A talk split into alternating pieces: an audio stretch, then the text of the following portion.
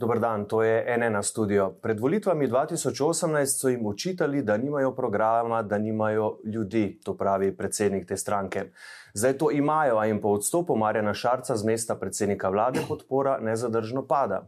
In zdaj, ko se je na levem polu tik pred volitvami kot politični akter pojavil še padli prvi mož genija Robert Golob, se bo volilno telo še bolj razdrobilo.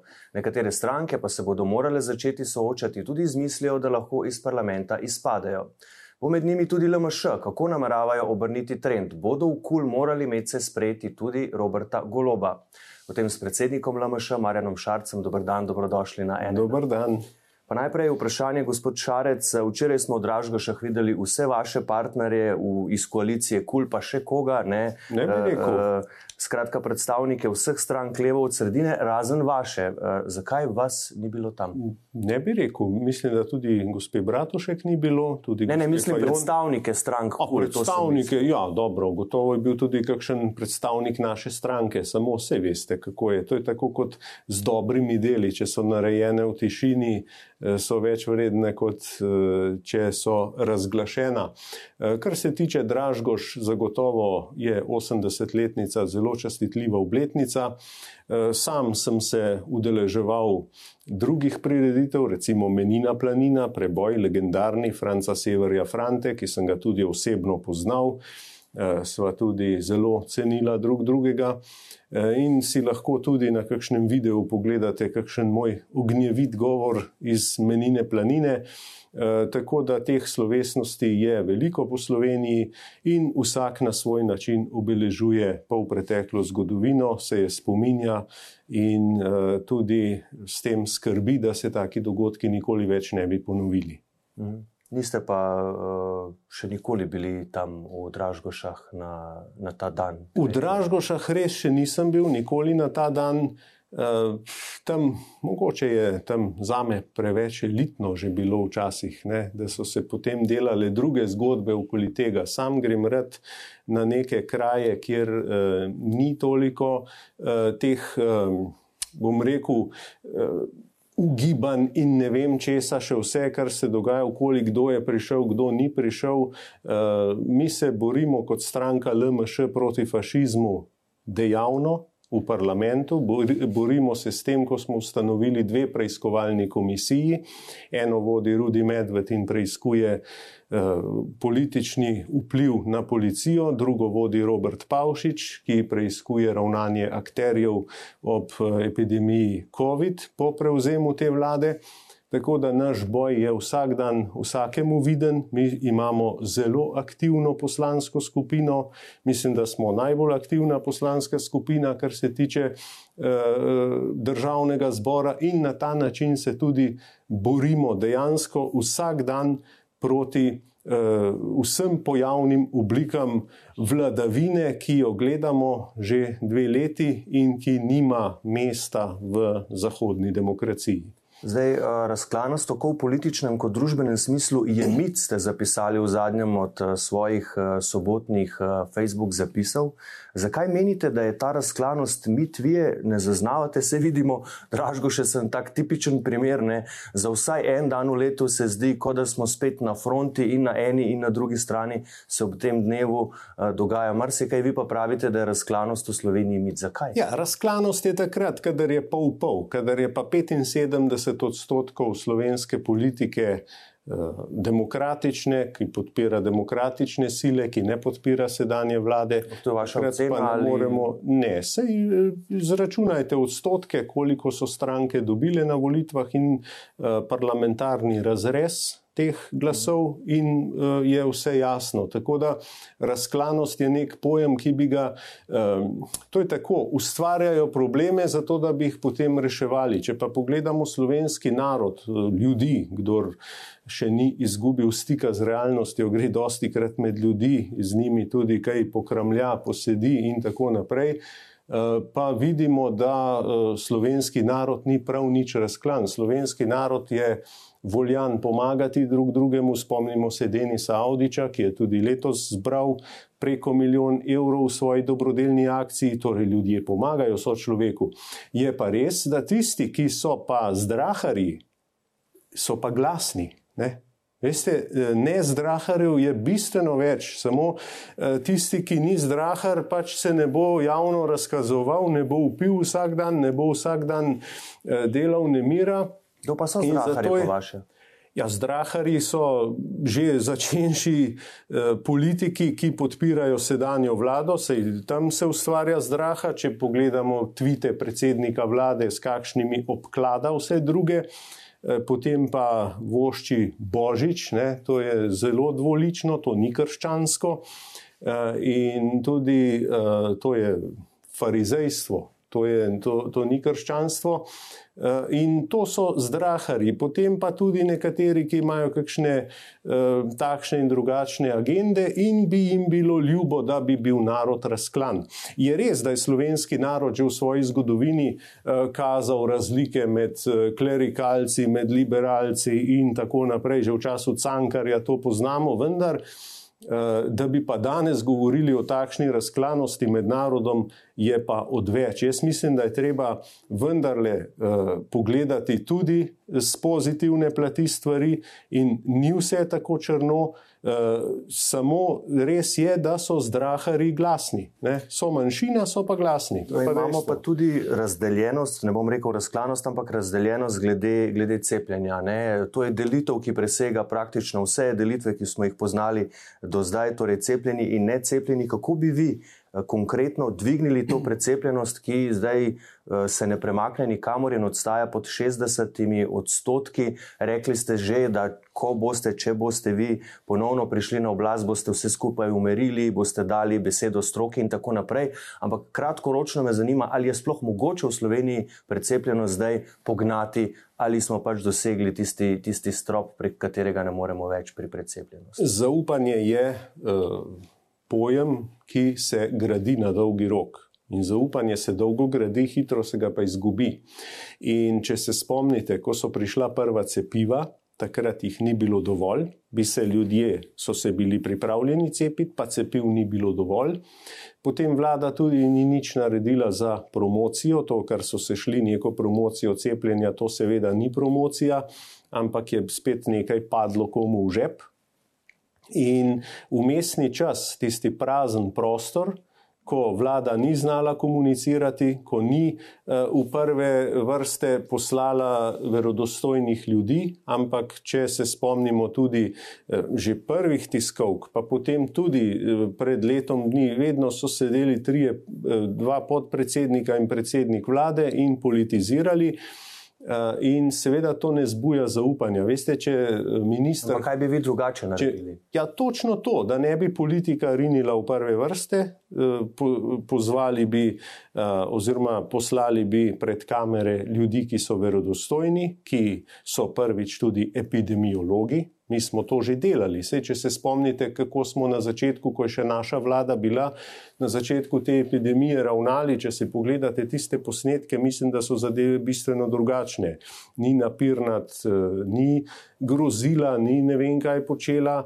Eh, je bila tudi epidemiologinja. Se tudi Marijo Fangel zdaj nastopa, pa je epidemiolog, pa tudi ne grozi nikomor. Ja, ampak on je sam med, eh, med hijenami, če lahko tako rečem. Veste, ne more en človek spremeniti, če nima podpore. Če krek reče eno, kacin reče drugo, kadič reče tretje, politika reče četrto, Mateja Logar reče peto, ministr za zdravje se tudi spreneveda veliko krat in potem en Marijo Fafangel eh, ne more eh, reševati situacije.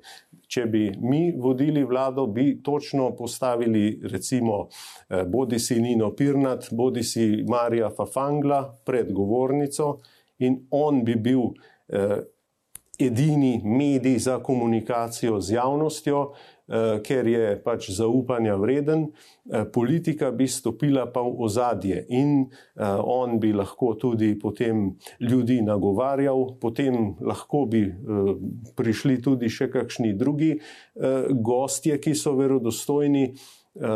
Ne pa, da gledamo vsak dan drugače, in tudi ukrepi se spreminjajo, včasih iz ure v uro. Ne. Sigurno to ne pripomore k verodostojnosti. In če ljudje dvakrat vidijo, dvakrat čakajo tiskovko, ki se zgodi potem ob 15 čez 11 zvečer, zgodi se nič praktično, eh, potem se ukrepi tudi, eh, ne vem, eh, v cerkvi ni potrebno imeti PCT oziroma ga nihče ne preverja, zunaj na štantih ne smeš spiti kuhanega vina, lahko se drenjaš v gostilni, potem ne moreš, eh, ne moreš nekam, eh, kjer je eh, dovolj razdalje, ne, ne smeš imeti te prireditve. Stranka SDS je imela kongres v zaprtih prostorih, brez mask. To so te stvari, ki jih je treba spremeniti. Ampak to je zdaj zamujeno, to bo možno narediti šele po volitvah. Pa tudi potem je vprašanje, kakšen bo učinek na precepljenost, koliko je sploh še mogoče priti ne, do 60 na 60. Ja, zelo se bo treba truditi, predvsem z gledom, tako kot eh, vedno jaz povem, da sem cepljen trikrat. Eh, in uh, se držim vseh teh priporočil, ampak ne morem pa nikogar prisiliti. In veste, ogromna večina ljudi je tistih, ki nihajo imamo, ne vem, 10% proticepivcev, imamo 10% tistih, ki so zapriseženi cepivci, je pa ogromna večina tistih, ki pa pač niso ne za ne proti, ampak dvomijo. In, in tiste je treba z argumenti potem uh, prepričati, da je to dobro za njih. Ampak, ne pa z obveznim cepljenjem. Ne, seveda ne, to bo katastrofa. Če uvedemo obvezno cepljenje na vse to, kar imamo zdaj, bo to sprožilo dodaten revolt bo sprožilo eh, tudi eh, izmikanje eh, oziroma izigravanje tega zakona, tako kot že zdaj se vidite, da ljudje plačujejo tudi brezdomcem, da se hodijo cepiti in take. Ali pa si priskrbijo ponorejena ali celo to. Kako ob vsem tem, kar se zdaj dogaja, zaustaviti širjenje omikrona, vidimo ne, tudi nedeljske cifre, zdaj katastrofalne, ne izjemen skok kaj bi vi naredili, zaprli družbo ali po vaše obstaja kak drug ukrep, ki bi zdaj hitro začel učinkovati v tej situaciji, kot jo imamo? Z doslednostjo. Ne? Recimo, eh, če smo videli za praznike, je šlo ogromno slovencev, ker doma pač niso imeli odprtih stojnic, so šli v Zagreb, so šli v Beograd, eh, vse povsod je bilo jih polno in zdaj že vidimo posledice, da so tudi prinesli virus domov. Ne? Se pravi, če bi pri nas eh, v kontrolirani atmosferi, če tako uporabim ta izraz, izvajali te decembrske aktivnosti, če bi striktno preverjali PCT, če bi tudi pred vstopom na prireditveni prostor testirali ljudi, Eh, če bi tudi dosledno izvajali karantene, potem se to širjenje tudi lahko omeji. Ampak zdaj smo spet eh, priča temu, da virus raste. Je pa res, da, vsaj tako pravijo strokovnjaki, da zdaj ne prizadene pljuč, da se zadrži na zgornjem delu, na, na, na grlu in da je pritisk na bolnišnice manjši. Ne, verjetno se tudi virus eh, nekoliko spremenja v zadnjem času, ampak seveda te stvari lahko rešujemo samo z doslednostjo. Mi, zaprtje dali, ne? Eh, ne, ker zaprtje spet ne bo ničesar rešilo. Mhm. Danes boste zaslišali na preiskovalni komisiji o nabavi zaščitne opreme. Gre za komisijo pod vodstvom koalicije, torej lahko kar že malo sklepam, da boste najbrž dobili od, uh, vprašanje, zakaj ste pustili prazna skladišča. Takrat, kaj boste odgovorili? Gre za šarec je kriv komisijo. Uh -huh. uh, to je bila komisija, ki je bila ustanovljena takrat na hitro, zato da so nas prehiteli, da smo morali mi ustanoviti drugo. Torej, prazna skladišča, če oni pravijo, da so dražgo še mit, jaz pravim, da so prazna skladišča mit, ker prazna skladišča, katera pravijo oni, da so bila prazna, nikoli niso bila namenjena za to vrstne potrebe, ker so lepo tudi a, drugi zaslišani na tej komisiji povedali, da so zavodi imeli a, v tistem obdobju tako ali tako nalogo, da sami kupujejo, ker je taka zakonodaja in so morali imeti zaloge. Bilo je nekaj dni tudi težav, vendar še zdaleč ne tako, eh, kot eh, oni prikazujejo. Prazna skladišča so bolj zato, da se upraviči nepotrebne nakupe opreme. Eh, vemo, kako je bilo z ventilatorji. Ampak in... niste pa takrat eh, napeli vseh sil, da bi prišli do čim večje količine zaščitne opreme, ki seveda je bila zelo iskano blago po vsem svetu. To je to pravi. udarilo kot strela z jasnega ta epidemija, ampak eh, ali ste takrat kdo, napeli vse? Kdo pravi, sile? da jih nismo? No, sprašujem, ali ste takrat? Smo jih. Uh mhm. -huh. sej, smo, uh, sej smo tudi želeli izvesti skupno evropsko naročilo, ki ga potem nismo izvedli, ker bi bili ob 12 milijonov evrov, ker je bila prevara takrat. Uh, potem tudi uh, vemo, da smo uh, takrat, tudi ko smo začeli ukrepati, že 6. marca uh, prepovedali uh, dostop do domov za ostarele. Potem smo tudi uh, odpovedali koncert Andreja Bočelija, potem smo odpovedali tudi Planico. Skratka, vse te prireditve smo odpovedali, kar se pa zaščitne opreme tiče. Je pa ministrstvo takrat, tako je pričal tudi gospod Šabeder zadnjič na komisiji, je pa ministrstvo dalo po izvedbo po javnih zavodih, koliko je te uh, opreme, koliko, koliko je manjka, koliko je potrebno.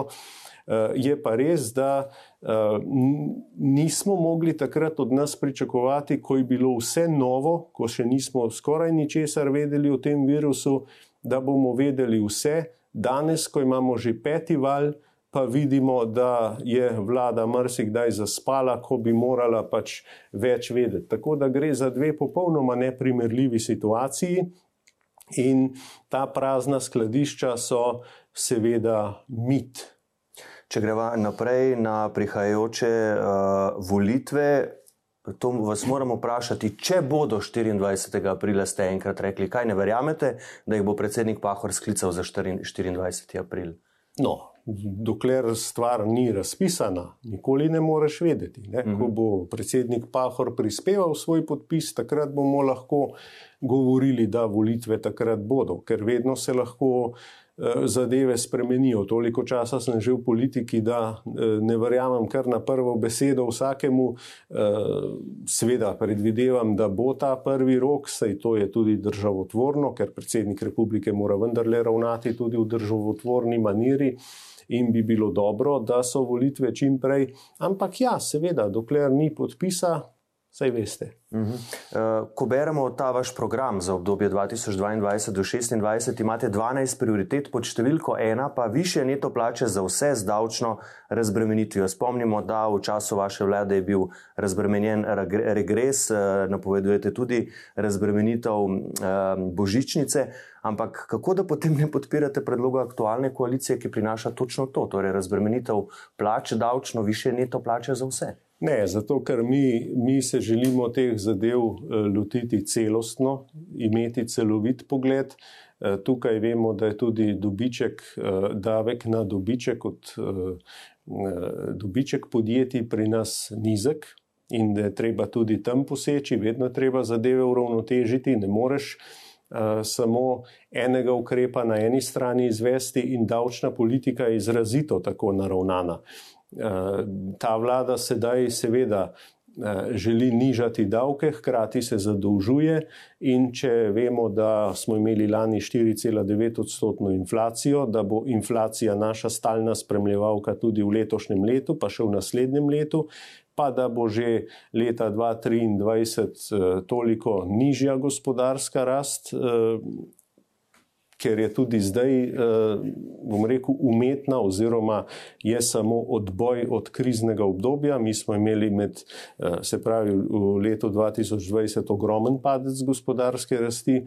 In eh, s to gospodarsko rastjo je treba ravnati skrbno, se ni preveč zahvaliti z njo, in zato želimo mi te zadeve urejati celostno. Na podlagi tega ko bomo imeli pregled na Ministrstvu za finance, kakšne dejanske številke tam so. Vemo, da smo lani pravzaprav prišli skozi leto, skozi, prostite, skozi leto brez rebalansa ob, ob tem, da je uh, luknja skoraj 3 milijardna, uh, potem težko govorimo o nekem nižanju davkov, kar tako rokohitrsko. Pravite, da ste tej vladi pustili uravnotežen proračun s presežkom, ampak Dušan Mramor, bivši nekda, uh, finančni minister, pa pravi, da ste porabili v, za čas vaše vlade vse rezerve, ki ste jih imeli in da je tudi zaradi tega zdaj uh, pač stanje tako, kot je. Da ste prav zato odstopili, je celo, je celo on nekako ugibal, ne ocenil. No, mislim, da gospod Mramor ne ve čisto dobro, eh, kako je dejansko bilo, ker ga ni bilo v vladi.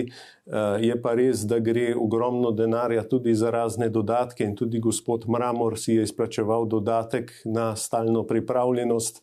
Eh, tako da mislim, da gospod Mramor ne ve pravih vzrokov. Pravi vzroki za moj odstop so seveda bili, da smo imeli samo 42 glasov v državnem zboru, ker podpora se meri v državnem zboru.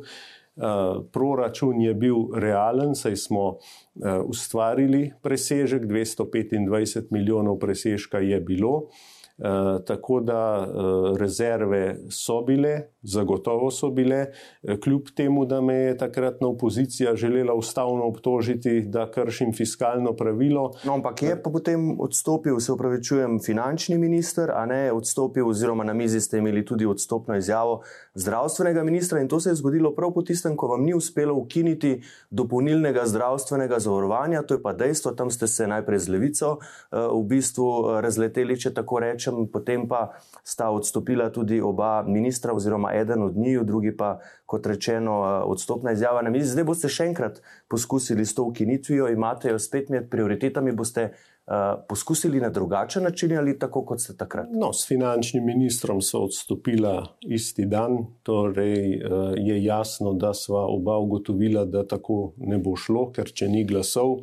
Vemo, da gospod Polnar ni podpiral naše koalicije, se pravi, Desus je vse čas dajal samo štiri glasove, tako da se ta tradicija nadaljuje. Eh, v, kar se nas tiče, kar se pa vlade tiče, pa lepo podpirajo. Eh, skratka, eh, dopolnilno zdravstveno zavarovanje pravzaprav je bilo tako, da levica nikakor ni želela slišati, da mi dejansko to podpiramo. V LMŠ smo glasovali za, To, to je jasno, tukaj se vidi tudi iz uh, razporeda glasovanja. Vi ste takrat in... svoj predlog pripravili, če se prav spomnim, kot LMŠ. Ne? Potem, ko niste mogli nekako skupne koalicijske ja, rešitve z levico, tudi nam najti. Nam je bilo ne? pomembno, da gre to skozi, da to končno po ne vem kolikih letih govorjenja to vdejanimo. Uh, ker eh, če ne bomo ukinili dopolnilnega zdravstvenega zavarovanja, potem lahko še ne vem koliko časa govorimo o neki pravičnosti in ne vem čem še vse.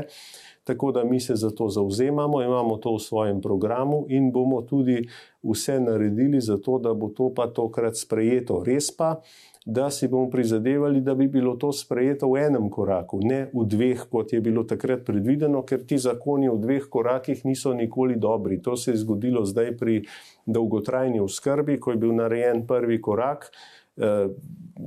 Dejansko, eh, dejanski napor in uveljavljanje prispevka za državljane se bo pa zgodil v naslednji vladi. Pa bo, kaj pa bo, če boste vi v naslednji vladi? Kaj boste naredili? Boste sprejemali nov zakon o dolgotrajni oskrbi ali boste tega obstoječega, ki je bil pa zdaj spred, popravljali, amandmirali? No, najprej je treba uh, vedeti, da so bili proti temu zakonu uh, praktično vsi iz stroke, nihče ga ni podprl. Spomnimo se samo srebrne niti, pa, pa, eh, pa tudi sindikati, pa še kdo je bil proti. Vlada ga je rinila skozi, kljub vsem tem, eh, bom rekel, glasovom proti pozivanju k razumu.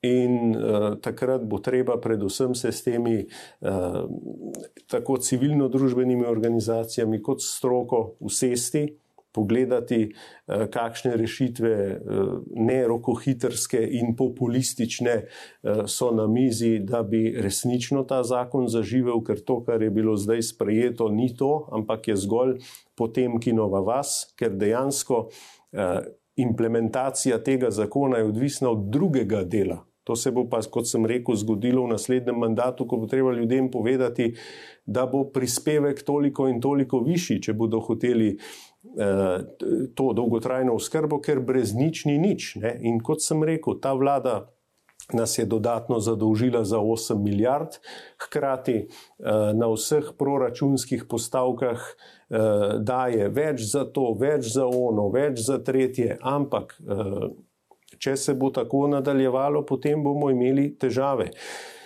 Ni pa vse tako črno. Eh, je tudi eh, evropski denar na voljo, tudi tam eh, je, je še manevrski prostor, vendar se mi zdi, da bo treba tudi našo strategijo za okrevanje in odpornost tudi popraviti. To je Kaj dejstvo. Pa...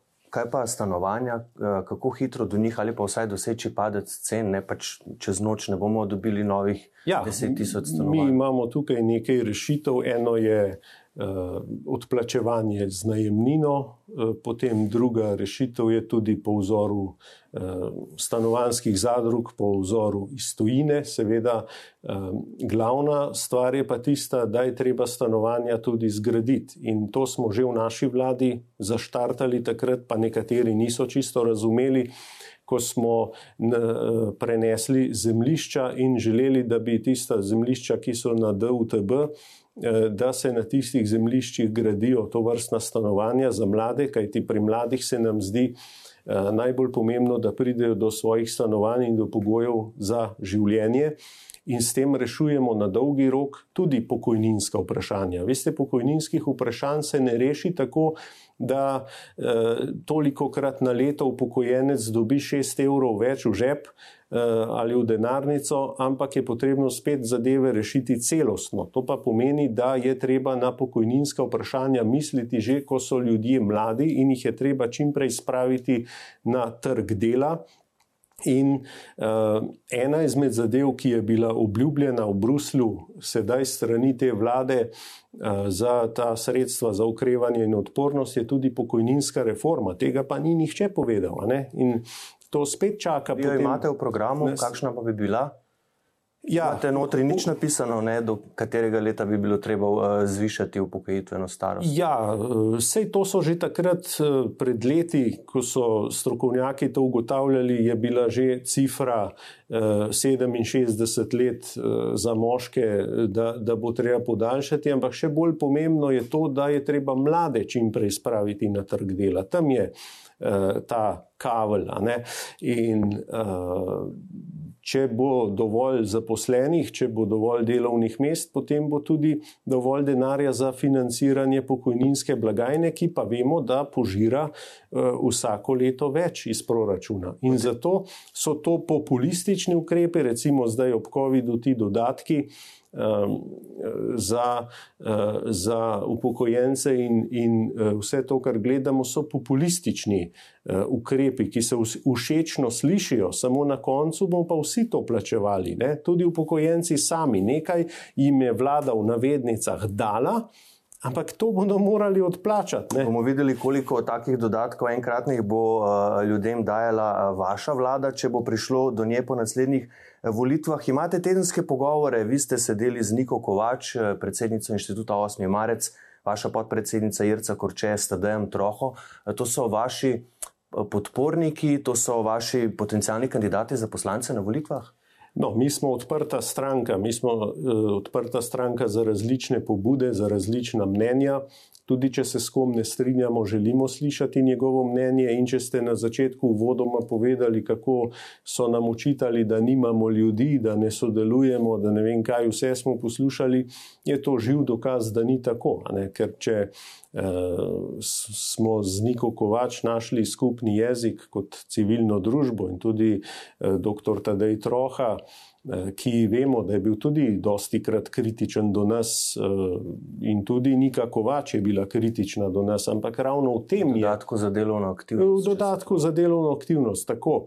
Ampak ravno v tem je čar demokracije. A ste jo povabili, da bi kandidirala pri vas, gospod eh, Kovač? Ne, nismo, zato ker, ker ona, ona tega tudi ne bi sprejela, ker je njeno poslanstvo drugo. Veste, politika lahko veliko naredi tudi s tem, da s civilno družbo sodeluje, da išče dobre rešitve. Recimo zdaj 8. marec pripravlja uh, nek krovni zakon, ki bi anuliral vse te neumnosti, ki so bile sprejete zdaj v tem mandatu.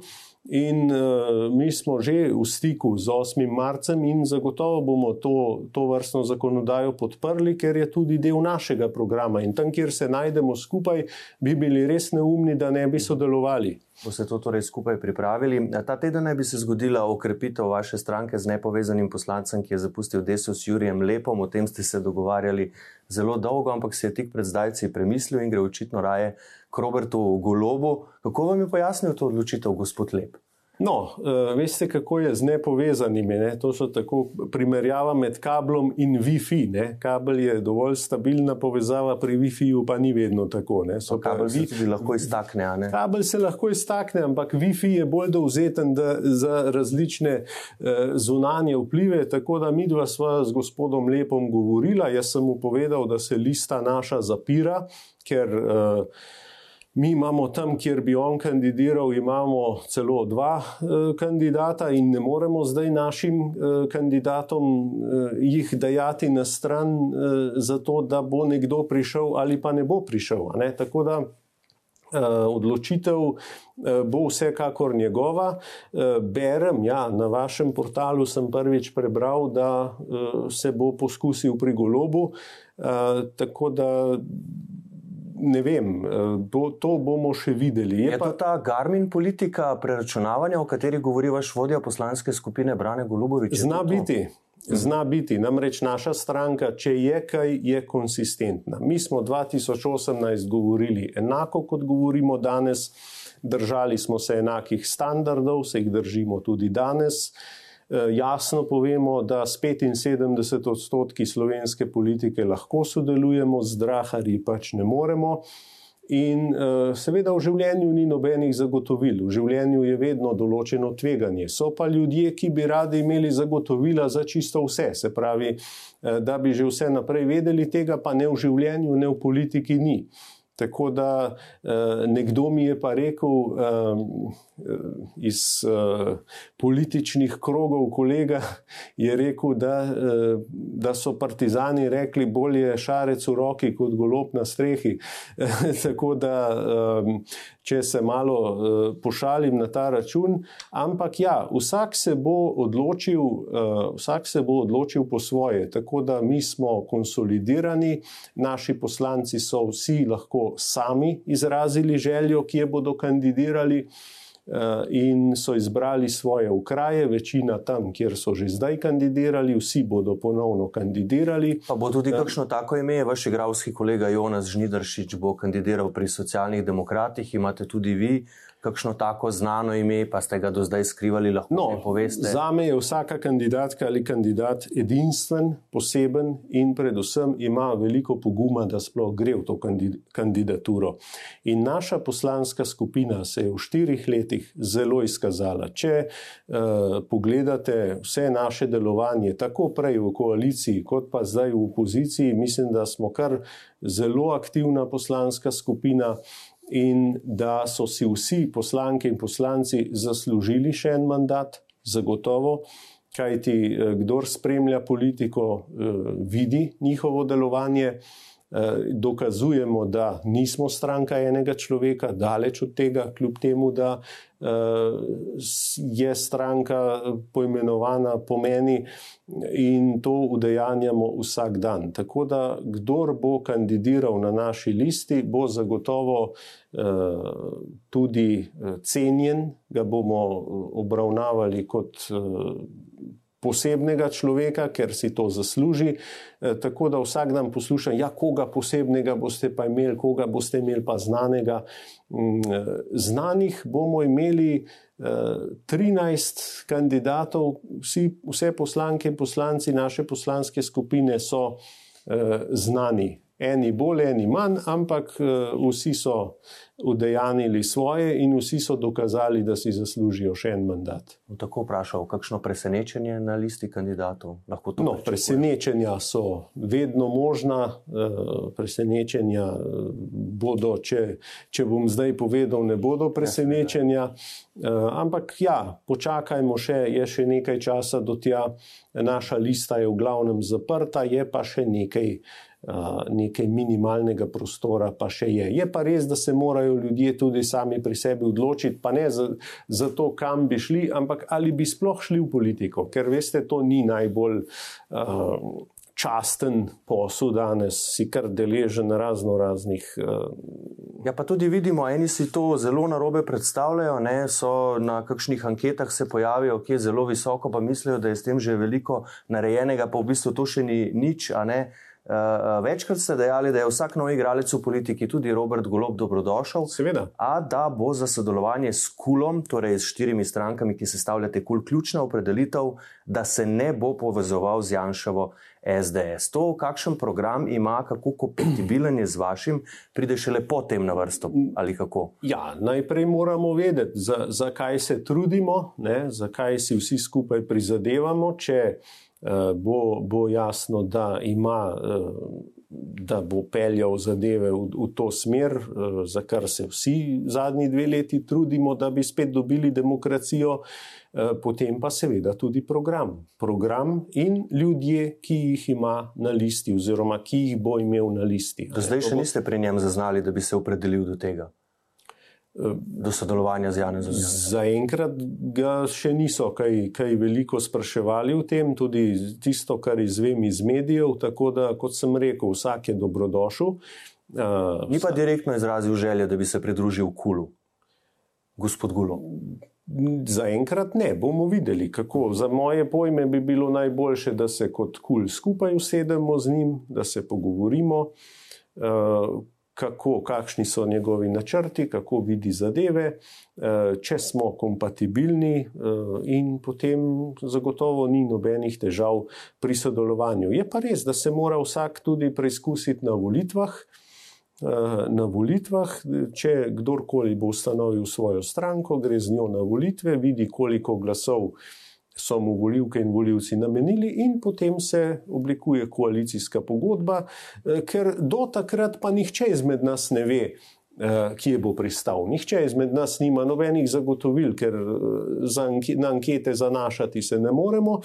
Prava anketa bodo volitve in potem realno stanje v državnem zboru. Torej, vi bi raje, da se po volitvah šele usedete z njimi in se pogovarjate o morebitnem sodelovanju, ne da bi se povezali že pred volitvami in pač dodali kulu eno novo stranko in, in, in delovali ja, kot. Formalno pravno imamo štiri stranke, ki so tudi pravni subjekti. Mhm. Uh, gospod Golob zaenkrat še nima stranke. Ja, rekel je, da bo vse jasno po 25. januarju, bomo eh, videli, kaj bo takrat, ampak tudi za sestanek vas še ni poklical. Ne? Torej, ne, zaenkrat ne. Vi čakate njegov klic. Ne? Ja, seveda. Sej, eh, če bo poklical, potem kaže, da ima interes, če pa ne bo poklical, pač kaže, da ga nima. Sej, ni.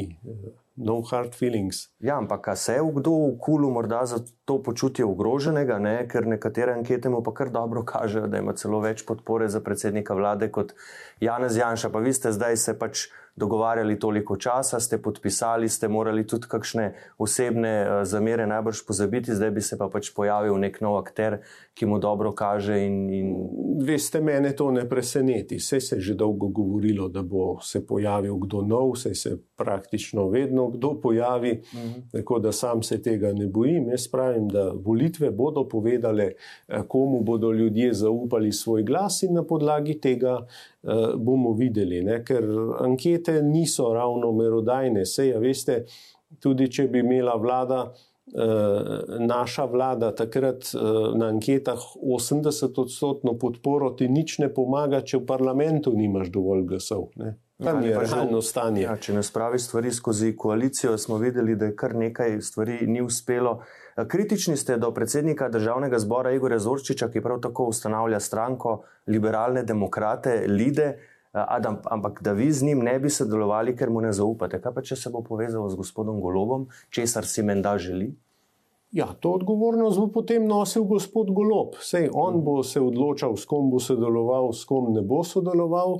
Kar se stranke LMŠ tiče, je jasno, da gospodu Zorčiču ne zaupamo. Sej, In z njim ne bi sploh sodelovali. Uh, v... Gospod Zorčič je prvič podprl to vlado, uh, drugič, ko je imel možnost, da kljub temu, da bi ostal na tem mestu, tudi to smo mu ponudili. Eh, ne na zadnje smo ga tudi uh, branili v državnem zboru, da je predsednik državnega zbora, kljub temu, da je imel to možnost, se ni odločil za konstruktivno nezaupnico, se pravi, je ohranil to vlado pri življenju. In uh, tudi potem so bila nekatera dejanja takšna, ki niso izkazovala uh, njegovih uh, namer, da ima res namere takšne, kot, kot pravi. Ne na zadnje je, mi je znano, da je eni stranki iz koalicije KUL že dal roko, da se ji bo pridružil, pa se ji potem ni. Kateri pa? Uh, Boste že ugotovili, vse ste vi, novinari. Držite, da je za SD? To boste sami ugotovili.